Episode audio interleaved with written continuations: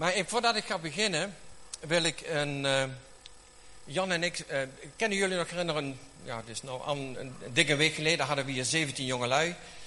Uh, die kwamen uit delen van de wereld. En dat zijn worshipleiders, jeugdvoorgangers, zangleiders en vul maar in.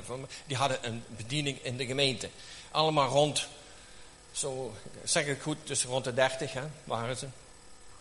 En dat, uh, jullie hebben het gezien, dat wij hebben het van dichtbij mee kunnen maken hier. Maar toen zijn Jan en ik op een woensdagavond daar naartoe gegaan. Dat, dat was de voorbereiding op waar zij um, in Loon op Zand uh, uh, bij elkaar kwamen. Daar kwamen er honderd over de hele wereld. En dan hoorde ik toch wel getuigenissen.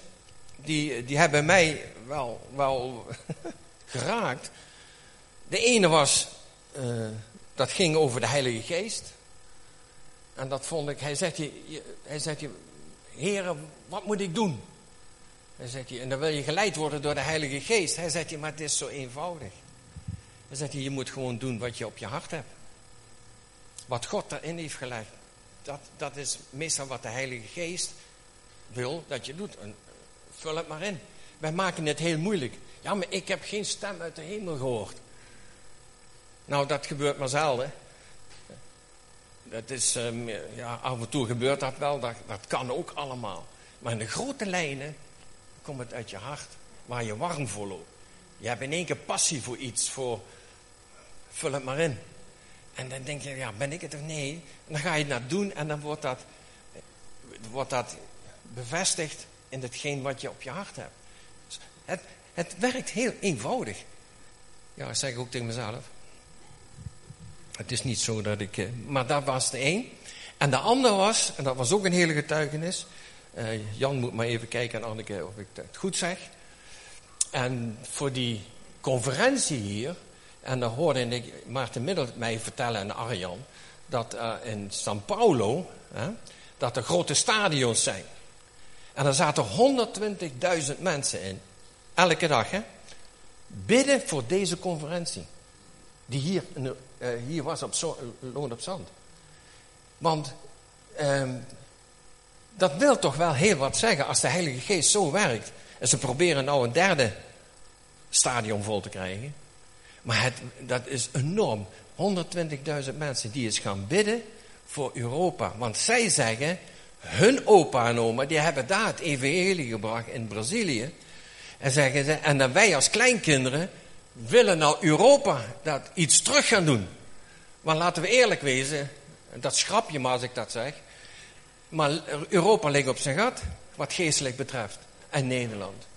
We hebben veel laten roven. En dat is toch mooi dat zij nou komen om ons te dienen met het woord. Met vul het maar in en vul het maar in. Dat vind ik geweldig. En dat is de werk van de Heilige Geest. En, en dat, ik vond het. Uh, want er zijn in Brazilië grote opwekkingen. Ik heb het al eens eerder gezegd. Ook in Roemenië, ook in, in China, Iran en die landen. God is bezig. Satan gaat rond als een bries in de leeuw. Maar God en de Heilige Geest gaat ook rond om, om nog mensen te vinden die hem willen dienen. En daarom zijn die grote massa eh, door de Heilige Geest geleid, die, die, die meetings en dat soort dingen allemaal. Dat is niet voor niks. Dat is niet voor niks. Maar nou terug naar vandaag. Ik wil het met u hebben. Ik, uh, ik heb dit woord nou al anderhalve week. Maar ik heb toch liever een woord dat ik dat zaterdagavond pas krijg. Ja, dan zal ik je vertellen waarom. Niet dat ik bedoel van. Uh, maar weet je, nou heb ik dit anderhalve week en dan heb je dat allemaal opgeschreven. Want ik wil toch dingen benoemen die, die wil ik toch gezegd hebben. En dan vraag je naar de leiding van God. Maar dan heb je ook anderhalve week strijd.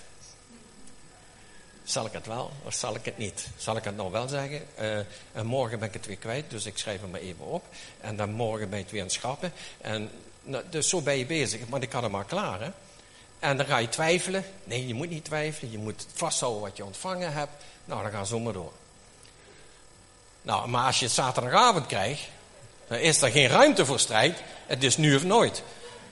Snap je? En dan, dat werkt, uh, dan zit ik ook niet altijd op te springen. Maar, uh, maar ik merk wel het verschil. Ik merk het verschil.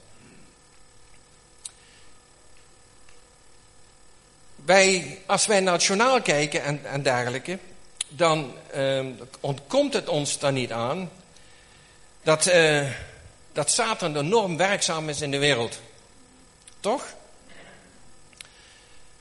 Maar hij is een verslagen vijand. Ja, ik, ik, ik probeer eh, dit te lezen omdat, en dan kijken wat, hoe, hoe, de geest werkt. En Satan, want ik wil even, even een paar minuten wil ik even neerzetten waar Satan staat. We weten wel wie die is, maar waar die staat. Dat ontgaat ons nogal eens. Hij heeft zich tegen God durven te verzetten. En dat is op zijn eigen hoofd teruggekomen. Hè, en dat kunnen we lezen in Jezaja 14, vers 15. Hè, want dan, uh, maar daar kom ik dadelijk op terug. En Satan heeft al sindsdien menige nederlagen geleden. En hij krijgt ze nog steeds. Maar er zijn drie punten in, in, tot aan het kruis waar je zegt van... Wauw, daar heeft hij toch weer zijn gat verbrand. Want uh, de, Eén is, hij is uit de hoge positie uit de hemel geworpen. Dat was al nummer één. Onmiddellijk na zijn grootste aanmatiging in Jezaja 14 zegt hij tot zeven keer ik zal. Daar staat wel twee keer uh, ik zal en dan, en dan nog vijf keer. Maar dan op een andere manier. Ik zal gelijk zijn aan de Allerhoogste. Ik zal opstijgen naar de hoge noorden, naar boven de wolken. Ik zal, ik zal, ik zal. Oh ja, zegt God dan. Mijn, mijn invulling. Integendeel, in het dodenrijk wordt gij nedergeworpen in de diepste der groeven. Jezaja 14 vers 15. Groeven, dat wil zeggen hel. Daar, daar, dat, Satan wordt het er maar gelijk aangezegd. Wij, wij, wij denken er niet altijd We denken altijd nog van, wow, wij moeten flink er tegenaan. Nee, hij is overwonnen. Het is hem al aangezegd. De Bijbel zegt ook dat Satan op een zekere hoogte toegang heeft tot de tegenwoordigheid van God en ook dat doet. Nou, want de broeders die aanklaagt, want openbaringen 12 vers 10 zegt, want de aanklager van onze broeders die hen dag en nacht aanklaagden voor onze God is nedergeworpen. Ja, want we kunnen in Zacharia lezen, 3, dan lees je dat uh, Joshua die wordt gerechtvaardigd. En wie staat daarnaast? De aanklager, de Satan, die staat ernaast om hem aan te klagen bij de engel des Heren. Dus hij klaagt je aan. En, en bij Job, dat verhaal kennen we, en dat doet hij niet anders. En hij heeft nooit meer die positie teruggekregen die hij ooit had. Dat moeten we even goed realiseren. Waar begint het mee? Hij is vervloekt in de Hof van Eden. Nou, heb ik dat woordje wel zo vaak gehoord en in mijn mond gehad en gelezen en noem maar op, vervloekt en vloekt en, noem maar op. Ik denk, maar wat betekent dat nou? Hè? Wat betekent dat nou werkelijk, vervloeken? Dus daar heb ik opgezocht. Pas op, ik ben een beetje huiswerk gaan doen. Ik denk, want ik heb dat ook niet. Maar als je vervloekt wordt of uh, een vloek uitspreekt over iemand, dan sterft hij. Zoals een zegen leven brengt, zo brengt vloed, een vloek, die brengt de dood. Alles degradeert. Als ik, als ik uh, Bert zijn werk zou gaan vervloeken, dan heb je uh, grote kans dat hij eind van het jaar of over een paar jaar dat niet meer heeft. En dat, dat, doet, dat is vervloeken. En dat wil sterven en dat wil ook alles degradeert. Alles is wordt vergankelijk. De wereld ligt onder een vloek. Daarom is alles vergankelijk. Vloek brengt niks voort. Ja, dood. En ellende, ziekte, noem maar op. Dat, brengt, dat is een vloek over iemand uitspreken. Dat betekent een vloek. En wat zegt dan in Genesis 3 vers 14? Omdat gij dit gedaan hebt, hè, bij, bij uh, Adam en Eva. Zijt gij vervloekt onder al het vee en onder al het uh, gekruipende dierte en op je buik zul je gaan. Hij is in de hoffenheden, is hij al vervloekt. Nou,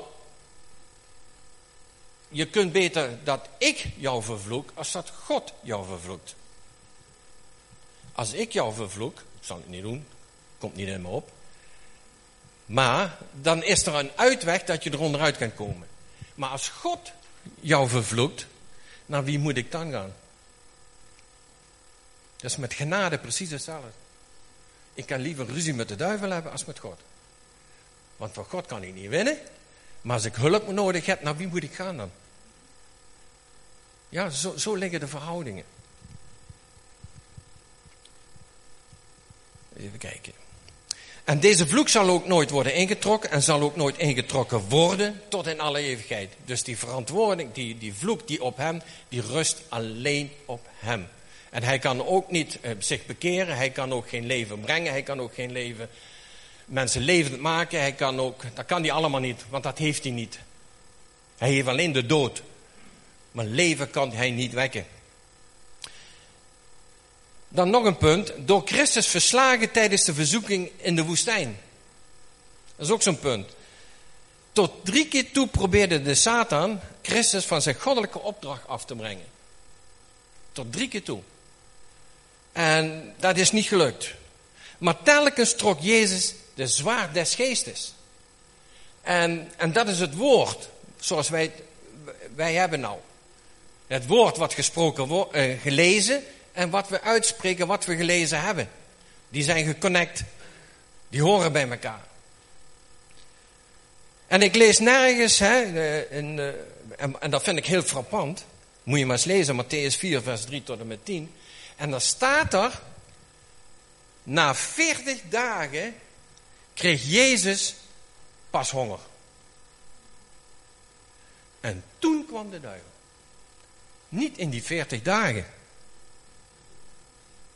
Maar hij kwam op het laatste moment. Waarom? Uh, omdat is het zwakke moment van Jezus. Want hij heeft honger. Heb jij honger? Ben je, ben je bereid om connecties, connect, of hoe noem je dat?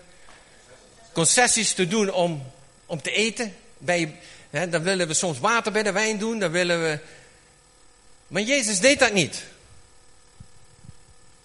Jezus ging niet, uh, daar kwam de duivel en die zegt van, hé, daar liggen stenen joh. En dan zegt tegen die stenen dat ze brood worden en noem maar op. Hij zegt niet, maar van, alleen van brood zal men niet leven. Hij, hij, hij, hij, Jezus zegt niet, nee, ik heb geen honger. Nee, dat mag ik niet joh. Ik ben veertig dagen aan het vasten.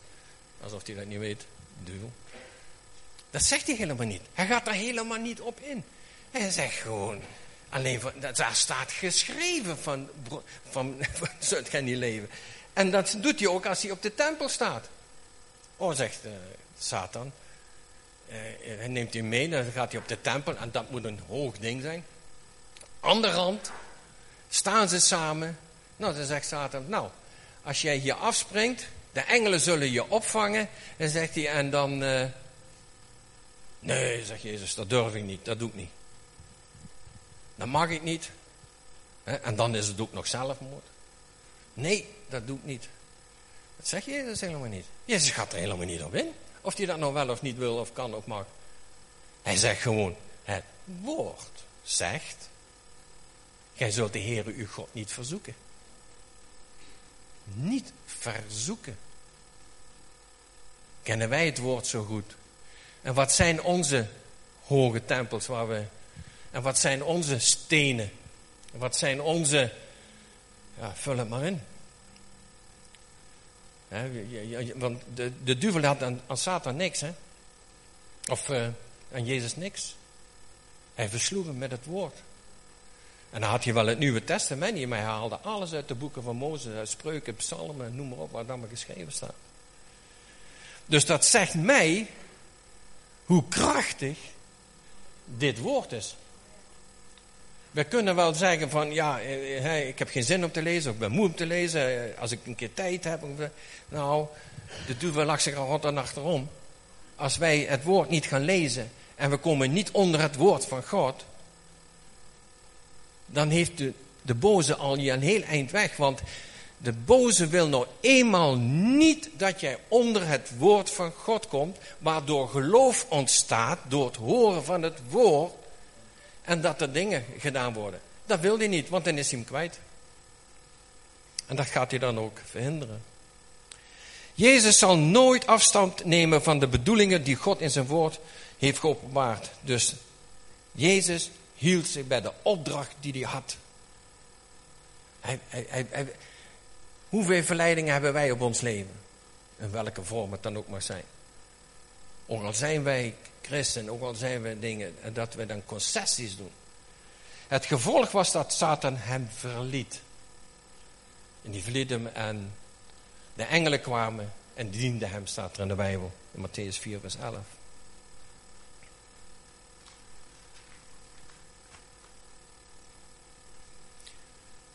Het derde punt is, dat is wel de grootste. Ze veroordeeld aan het kruis op Golgotha. Dat moeten wij beseffen, dat moeten wij denken, dat hij heeft nederlaag op nederlaag. Hij gaat het ook niet van u winnen als u bij het woord blijft. U gaat, hij gaat het niet van u winnen als je onder de paraplu van Jezus blijft. Je gaat het winnen als we het woord proclameren. Niet wat ik denk, niet wat ik ervan maak. Als er in de Bijbel staat, op zieken zullen ze de handen leggen en ze zullen gezond worden. En dat gebeurt bij mij niet. Dan moet ik niet zeggen van nou, dat was voor vroeger. Het woord is waar, niet wat ik zeg.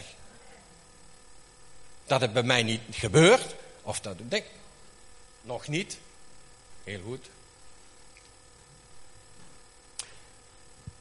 Kort voor zijn veroordeling aan het kruis dus, vlak voordat Jezus aan het kruis ging, ging en dat wist hij, nu gaat er een oordeel over deze wereld. Nu zal de overste deze wereld buiten geworpen worden. Dat was vlak voordat hij gekruisigd zou worden. En, dat, en dat, dat zegt hij dan al in Johannes 12, vers 31. Verwijzend naar het kruis profeteerde Jezus dat de Heilige Geest de wereld zal overtuigen van oordeel. Omdat deze wereld geoordeeld is. En wat ik dan zie, dat, dat wordt het weer zichtbaar tenminste voor mij wel, dan wordt het weer zichtbaar dat ik zelfs niemand kan um, veroordelen of oordeel of noem het maar op. Ik kan dat niet. Alleen de Heilige Geest kan het doen. Ik kan het evangelie brengen. Ik kan zeggen dat Jezus een verloren vijand is. Ik kan vertellen wat Jezus gedaan heeft. Maar ik kan niet iemand overtuigen. Want dat staat hier duidelijk. Want profiteerde Jezus dat de Heilige Geest de wereld zal overtuigen. Niet ik. De enigste opdracht die wij of ik heb, dat is om het te proclameren. Meer vraagt hij niet van je. Wij zijn de spreekbuis van Jezus. Of liever gezegd ook door de Heilige Geest. En daarom is het zo belangrijk om wat de Heilige Geest op je hart legt, waar je zo. Dat kan de Heilige Geest zijn. Dat je dat ook doet. Maar jij bent niet verantwoordelijk voor de opbrengst. Ik ben niet verantwoordelijk voor de opbrengst van deze spreker. Kan ik niet. Ik kan het wel vertalen. Ik kan het wel vertalen. Dat is de verantwoordelijkheid van de Heilige Geest. En de vruchten komen van de Heilige Geest. Niet van mij, maar door het woord. Door de Heilige Geest. En die zal overtuigen van oordeel, omdat de overste van deze wereld geoordeeld is. Want hij, heeft, hij is al veroordeeld. Door zijn kruisdood vernietigt Jezus hem die de macht over de dood had. Namelijk de duivel zou onttronen en alles zou bevrijden die gedurende hun ganse leven door angst van de dood gedoemd waren. Aan het kruis open, liet hij zien, werd het alles geopenbaard. Dan heeft, heeft de duivel ontroond. van, de troon, van, de, van, van, de, van de troon af, de dingen eraf, even visueel. En allen zou bevrijden die hun ganse leven door angst voor de dood gedoemd waren. Toen Jezus opvoer naar de hemel, krijgsgevangenen nam hij mede. En dat zijn zij die in het dodenrijk zaten. En dat zijn zij die zo geloofd hebben als Abraham. En die zijn meegenomen. Paulus beschrijft deze overwinning als volgt in Colossense 2, 15. En hij heeft de overheden en machten openlijk tentoongesteld en zo over hen gezegevierd. Hij heeft het. Dat moet, dat, dat, moet, dat moet bij ons, ook bij mij, dat moet bij ons in de genen zitten, in onze gedachten, in onze oren, in onze, vul het maar waar het ook zit.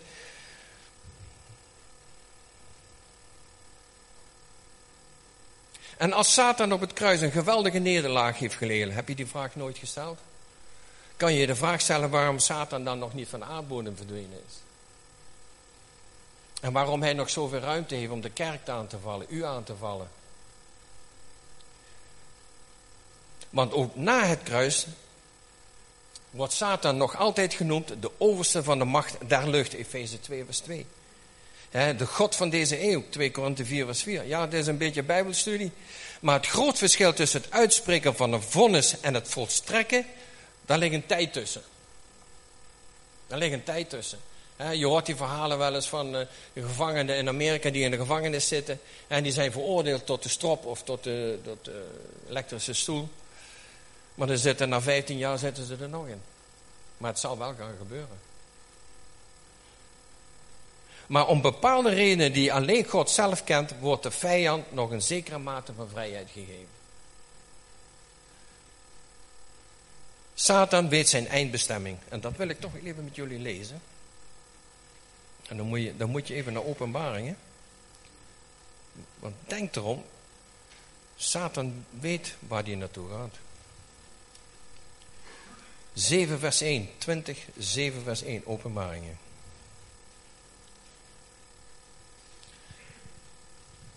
En wanneer dan de duizend jaren vereindigd zijn, zal de Satan uit zijn gevangenis worden losgelaten, hè? want hij was voor een korte tijd vastgehouden, ja, in die duizend jaar. En hij zal uitgaan om de volkeren aan de vier hoeken der aarde verleiden, Gog en Magog, om hen tot oorlog te verzamelen. En hun getal is als een zand der zee. En ze kwamen op over de breedte der aarde, omsingelden de legerplaatsen, de heilige en geliefde stad.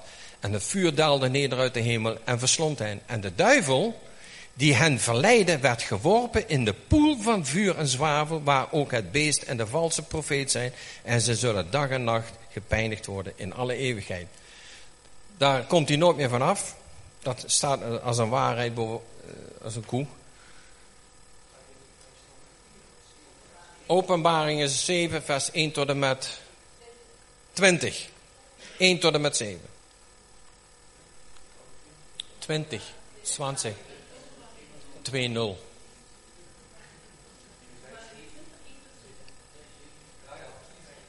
Hebben we hem?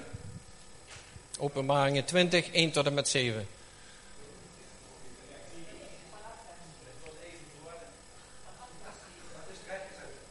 Ik lees zoals ik het hier opgeschreven heb. Zo, punt.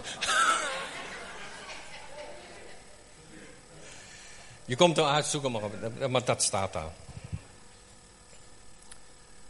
Maar met die kennisgeving, uh, waar staan wij dan? Wat doen wij ermee? En wat moeten wij nou ten opzichte van de Satan doen?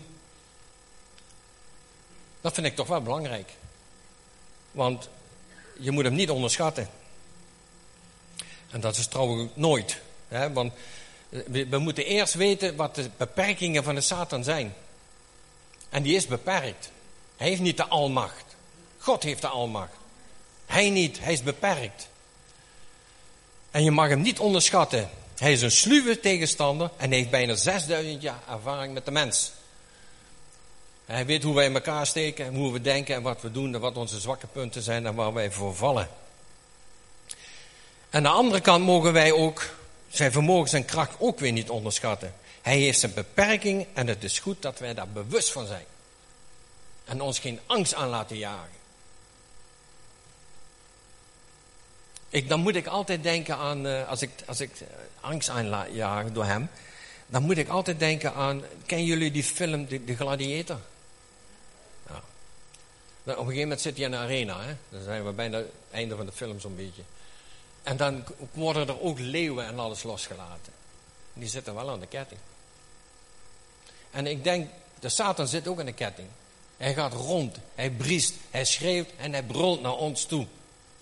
Maar hij kan ons niet raken. En als dat dan wel gebeurt, dan hebben wij toegelaten. Dan zijn wij er te dicht bijgekomen. Maar de Satan is zo Wim zei vroeger, broeder van den Berg, die zei vroeger, ja, zegt hij, als ik met een leeuw moest vechten, en die zat nog in de kooi en ik wist dat ik daarmee moest vechten, dan, en ik had het voor het zeggen, hij zegt dan kreeg hij van mij twee maanden geen eten. En nog langer. Dus als je die leeuw niet voedt, kun je hem overwinnen. De leeuw in jou, wat het ook mag zijn, wat je niet kan overwinnen, moet je niet voeden. En uiteindelijk zal het, hè, dan, dan, nou, daar kom ik daar nog even op terug. A. Ik ga een paar dingen opnoemen. Satan is niet almachtig. Satan heeft grote macht, sterker dan u en ik, maar alleen God is almachtig. En voor God is Satan geen partij. Ja, dat wist je. Maar Satan is ook niet alwetend.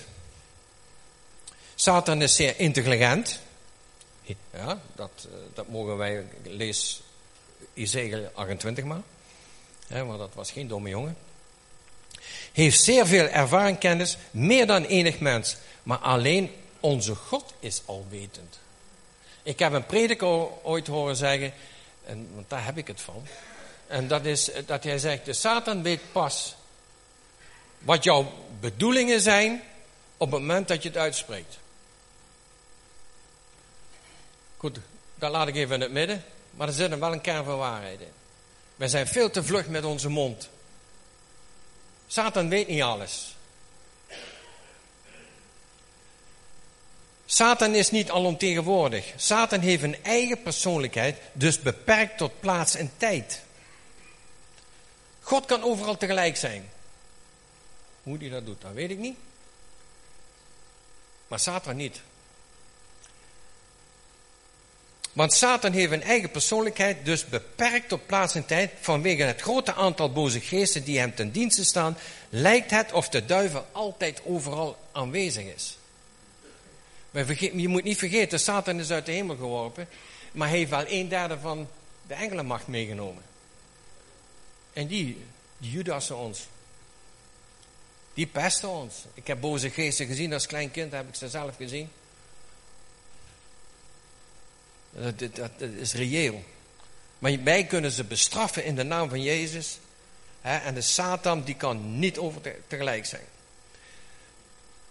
Ik weet nog dat uh, in de jaren poeh, 90, 80, 90, wat was er met die Tutsis en Hutus, die grote, die, die, die oorlog daar, dat maar afslachtingen zijn.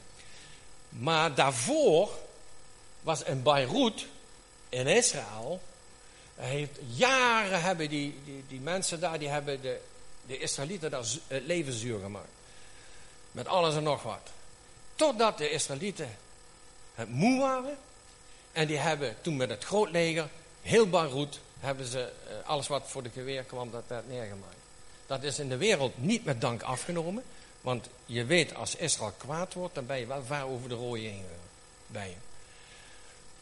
En toen, dat heb ik ook niet voor mezelf, maar ik ben er wel op gaan letten. Dat is dat iemand zei van, ja, dan moet je opletten. Zegt je, dat zijn, in Beirut, daar zaten de boze geesten die Israël bestookten door mensen heen. Nou zijn die mensen weg, dat was opgelost, want nou is er vrede. Maar daarna zag je bij, bij, bij die Tutsis en die die gingen daar tekeer. Dan verplaatst zich, de boze geesten verplaatsen zich naar de andere kant van de wereld en die gaan daar tekeer. Want ze hebben ook mensen nodig om te kunnen manifesteren. Dus Satan kan niet overal tegelijk zijn, maar zijn trawanten wel. In de naam van hem natuurlijk. Hè?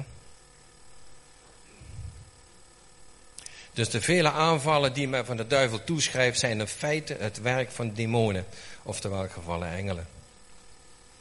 Dus uh, alleen God is overal aanwezig, met koeienletters hieronder gezet. De duivel kan geen leven geven en niemand opwekken uit de dood. Kan niet. We hebben een buurman gehad, een Pietje, en zijn dochter die reed zich dood tegen een boom, 20 jaar. En Pietje is dan, Piet, mijn buurman, is er nooit meer bovenop gekomen. En uh, die, die, raakte zijn werk kwijt, had een goede baan op de DSM. En, uh, en, en ik kwam hem nog wel eens tegen. En ik zag hem op het graf wel staan van zijn dochter. En dan zat hij daar tegen te praten. En toen op een gegeven moment kwam ik hem weer tegen. En toen zegt hij... Rijn zegt hij, ik wil naar een medium. Ik wil naar een medium. Dan zegt hij, dan hoor ik mijn dochter. Die praat dan tegen mij. Ja, want dat schijnen ze op te kunnen roepen. Ik zeg, Piet. Hij zegt, is dat goed Rijn? Ik zeg, Piet, ik zeg, in alle eerlijkheid, doe het me niet. Ik zeg, want dat komt uit het Rijk der Duisternis. Dat is de grote imitator. Ik zeg, want de duivel kan niemand opwekken. Dat is de imitator. Die doet je, zegt jouw dochter voor alsof het jouw dochter is. Ik zeg, maar dat is het niet. Of die gegaan is, weet ik niet. Maar ik hoor wel een jaar later dat hij opgenomen is in, uh, in een verzorgingstehuis. En daar is hij van verdriet overleden. Hij heeft het nooit kunnen verwerken. Dus hij verdriet. Ik heb verschillende pogingen mogen doen. Maar dan kan je zien wat de boze doet. Hè? Die imiteert, imiteert, imiteert. En het doet zich voor als een engel des lichts. Dat, dat, dat, woord ken je ook. Hè? Dat, dat ding, maar dat is... Besef dat Satan mag is ingeperkt door de wil van God. Dit blijkt duidelijk uit het verhaal van Job. Job werd het leven zuur gemaakt.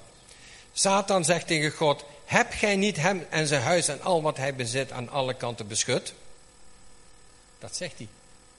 Dus dat zegt dat Satan alleen maar iets kan doen wat God toezegt. Hij zegt, je, dan trek ik mijn handen terug en dan. Maar hij mag niet zijn leven nemen. Dus de boze kan niet doen wat hij wil. Ook niet met ons. Dit was de oude bedeling, maar nu leven we in de nieuwe bedeling. Jezus zegt tegen Petrus, Simon, Simon, zie, Satan verlangt jullie te ziften als tarwe. Hij zat te popelen om jullie uit elkaar te halen. Herrie te zoeken. In de gemeentes of waar dan ook, in je huis, in je, bij man en vrouw, kinderen, vul het maar in. Hij verlangt dat. Maar als de, maar als de gemeente en jouw leven gedekt is door het bloed van Jezus en weggewassen, dan, ik ben er zelfs van overtuigd. Er is niemand die mij kan vervloeken. Daar ben ik van overtuigd. Als je kind, niet, geen kind van God bent, dan denk ik wel. Maar ik ben een kind van God. Ik ben bedekt en gewassen door het bloed van Jezus. Ik ben zijn kind. Hij bewaart mij. Ik sta onder zijn vleugels. Wie zal mij, wie zal mij iets kunnen doen? Dus ik hoor wel eens Christus, ja, maar hij, vervloekt mij. Ik zeg, joh, lach erom. Ik zeg, je bent een kind van God en je bent beschermd door het bloed van het lam. En daar geloof ik in. Want anders is die bescherming ook maar niet waterdicht.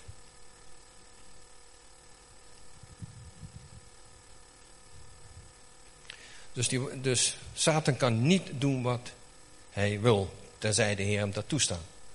Besef dat de Satan overwonnen is. Hiertoe is de zoon geopenbaard dat hij de werken van de duivel verbreken zou. Satan is een verslagen vijand door Jezus Christus. Dat weten we, dat horen we dagelijks op het podium, nu weer. Maar beseffen we dat ook? Want wij zijn meer dan overwinnaar door Jezus Christus. Nergens lezen we in de Bijbel dat wij moeten vechten met de duivel. Want dat heeft Jezus voor ons gedaan.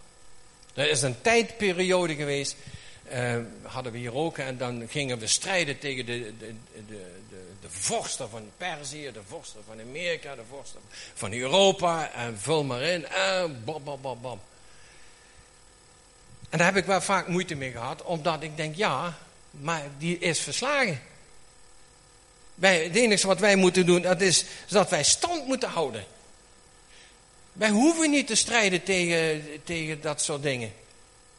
Want ze zijn overwonnen. De, want onze taak, even kijken.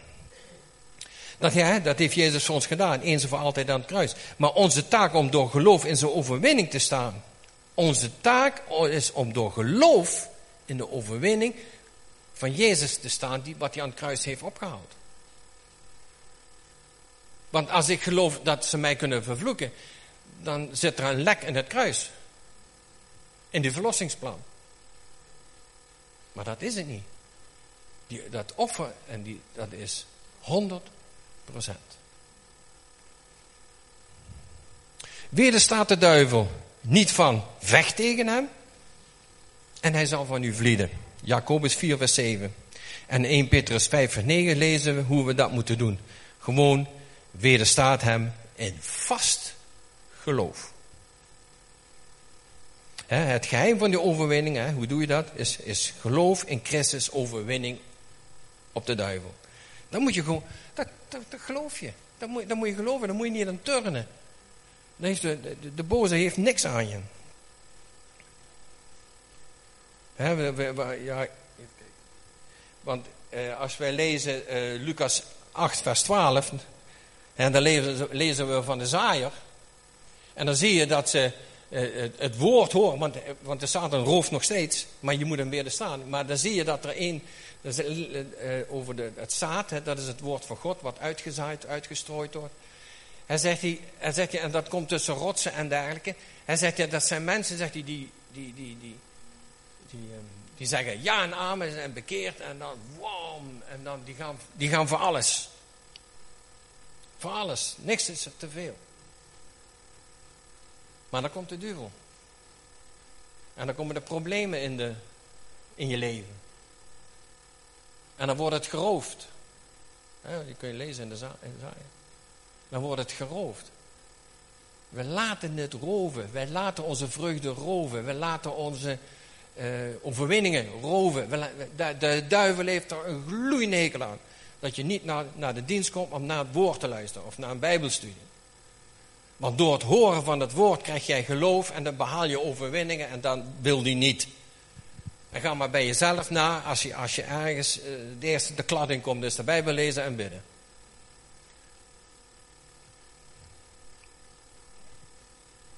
Toch? Is dat zo herkenbaar? Tenminste bij mij wel. Ja jongens, nog even. Eén. Laatste. De laatste. De laatste. Ja. Ik heb veel eh, gelezen, maar... Maar dit vind ik wel een hele mooie. Vind ik een hele mooie. is de moeite waard, hè? Laatste het best. Toch? Ja. Maar er is wel iemand die voor u bidt. We zijn niet hopeloos. Soms dan word je moe van de strijd. Dan faal je weer. Faal je weer. En faal je weer. En faal je weer. Ik heb twee keer baby met badwater, ik ga dat niet getuigen nou, weggegooid omdat ik ja, eronderuit ging. En dan was het God. Mooie uitspraak van Jezus. Simon, Simon, de Satan verlangt jullie te ziften als tarwe. Maar, zegt hij erachteraan, maar ik heb voor u gebeden dat uw geloof niet zou bezwijken. En dan plaats ik dat even naar de apostelen, wat hij tegen heeft. Hè? Jezus wist welke dood ze zouden sterven. Behalve Johannes. Die is gewoon een, natuurlijke dood overleden. Maar de rest is allemaal onthoofd of voor de leeuwen gegooid, noem maar maar. Maar dan heb je toch wel de gebed van Jezus nodig. Om dat vol te brengen. Maar ook in uw leven. Ook in jouw leven heb je. Ja. Heb je, waar, je waar je moeite mee hebt. Heb je een grote mond gehad. Of je hebt gelogen. Of je hebt. Vul het maar in. En dan krijg je het schuldgevoel. Heer, ik heb het weer verziekt tot en met. Heer, hoe, hoe kunt u nou blij met mij zijn? Heer, ik red het niet. En ik dit en dat. De eerste plaats, je bent gekocht en betaald door het bloed van Jezus. En ten tweede, Jezus bidt voor jullie. En voor mij. Want hier staat, hè, dat was Lucas 22, 31. Christus Jezus is gestorven. Wat meer is de opgewekte die de rechterhand Gods is. Die aan de rechterhand van God is. Die ook voor ons pleit. Ja, moet, ik dat nog uitleggen? Hij pleit ons bij de Vader. Vader, vergeef het hem. Hij heeft het niet zo bedoeld. Maar zijn hart is goed. En dan denk ik aan, aan David met Bathseba. Maar, jong, die, die heeft me daar een blunder gemaakt. Een man van God. Maar God heeft het hem vergeven. Hij heeft wel een prijs betaald.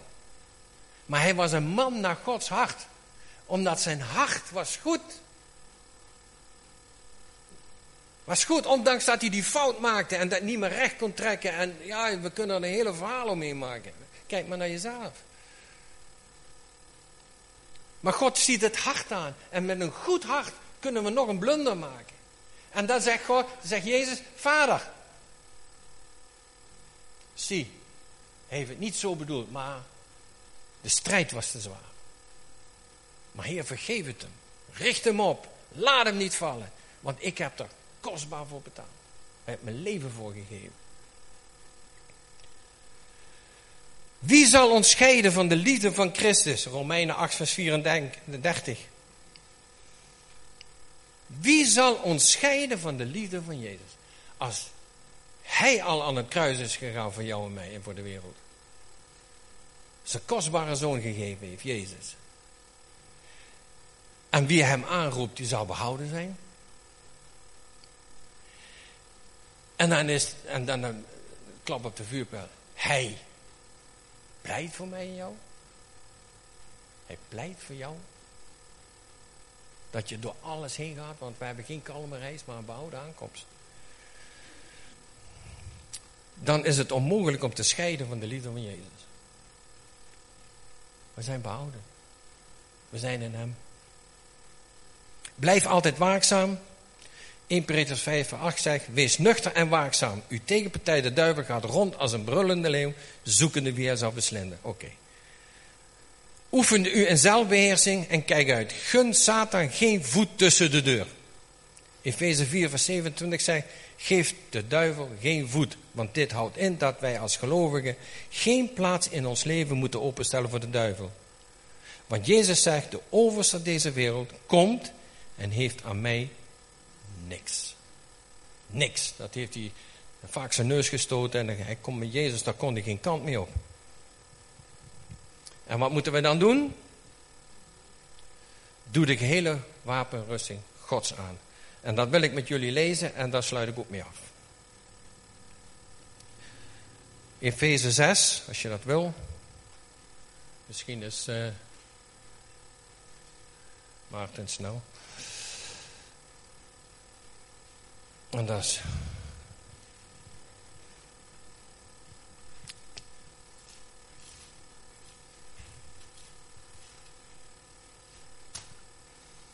Staat er nog in. Efeze 6, 13, vers 18. Ik lees dit. Eigenlijk een samenvatting. Even kijken. Bij vers 10. Voort. Wees krachtig in de Here. En in de sterkte zijner macht. Doet de wapenrusting Gods aan. Om te kunnen standhouden tegen de verleidingen des duivels. Want Paulus haalt de harnas van, uh, van de Romeinen haalt hij aan. Dat heeft hij allemaal vaak genoeg gezien. En vandaar dat hij daar ook zo over praat. Want wij hebben niet te worstelen tegen bloed en vlees.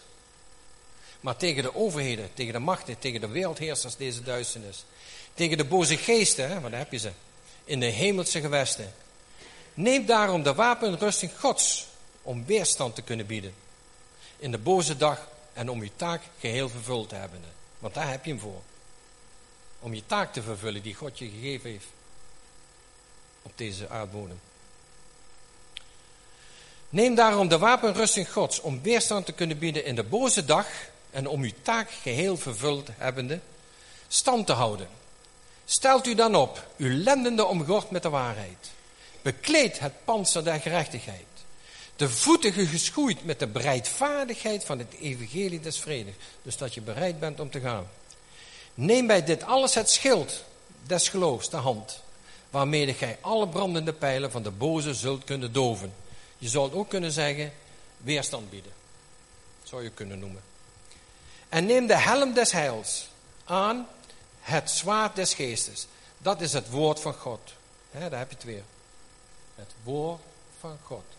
Dat is het wapen waar je mee de boze kunt nekken. En bid daarbij met aanhoudende bidden en smeken bij elke gelegenheid in de geest. Daartoe wakende met alle verharding en smeking. Nou, als ik dat ding in de geest, dan denk ik weer dat Jezus, ehm, dat Jezus ons de troost en de Heilige Geest heeft gegeven om te leren bidden. En wij weten niet wat wij bidden zullen. En daarom moeten we in de geest bidden. Anders zitten we tegen de lantaarnpaal te bidden. Maar we moeten de, de, ja, daartoe waakte met alle volharding en smeking van alle heiligen. Ook voor mij, die mij bij het openen van mijn mond het woord geschonken worden, om vrijmoedig het geheimnis van het evangelie bekend te maken, waarvoor ik een gezant ben in ketenen. Dan zal ik daartoe vrijmoedig kunnen optreden, zoals ik hoor te spreken. Ik zeg amen.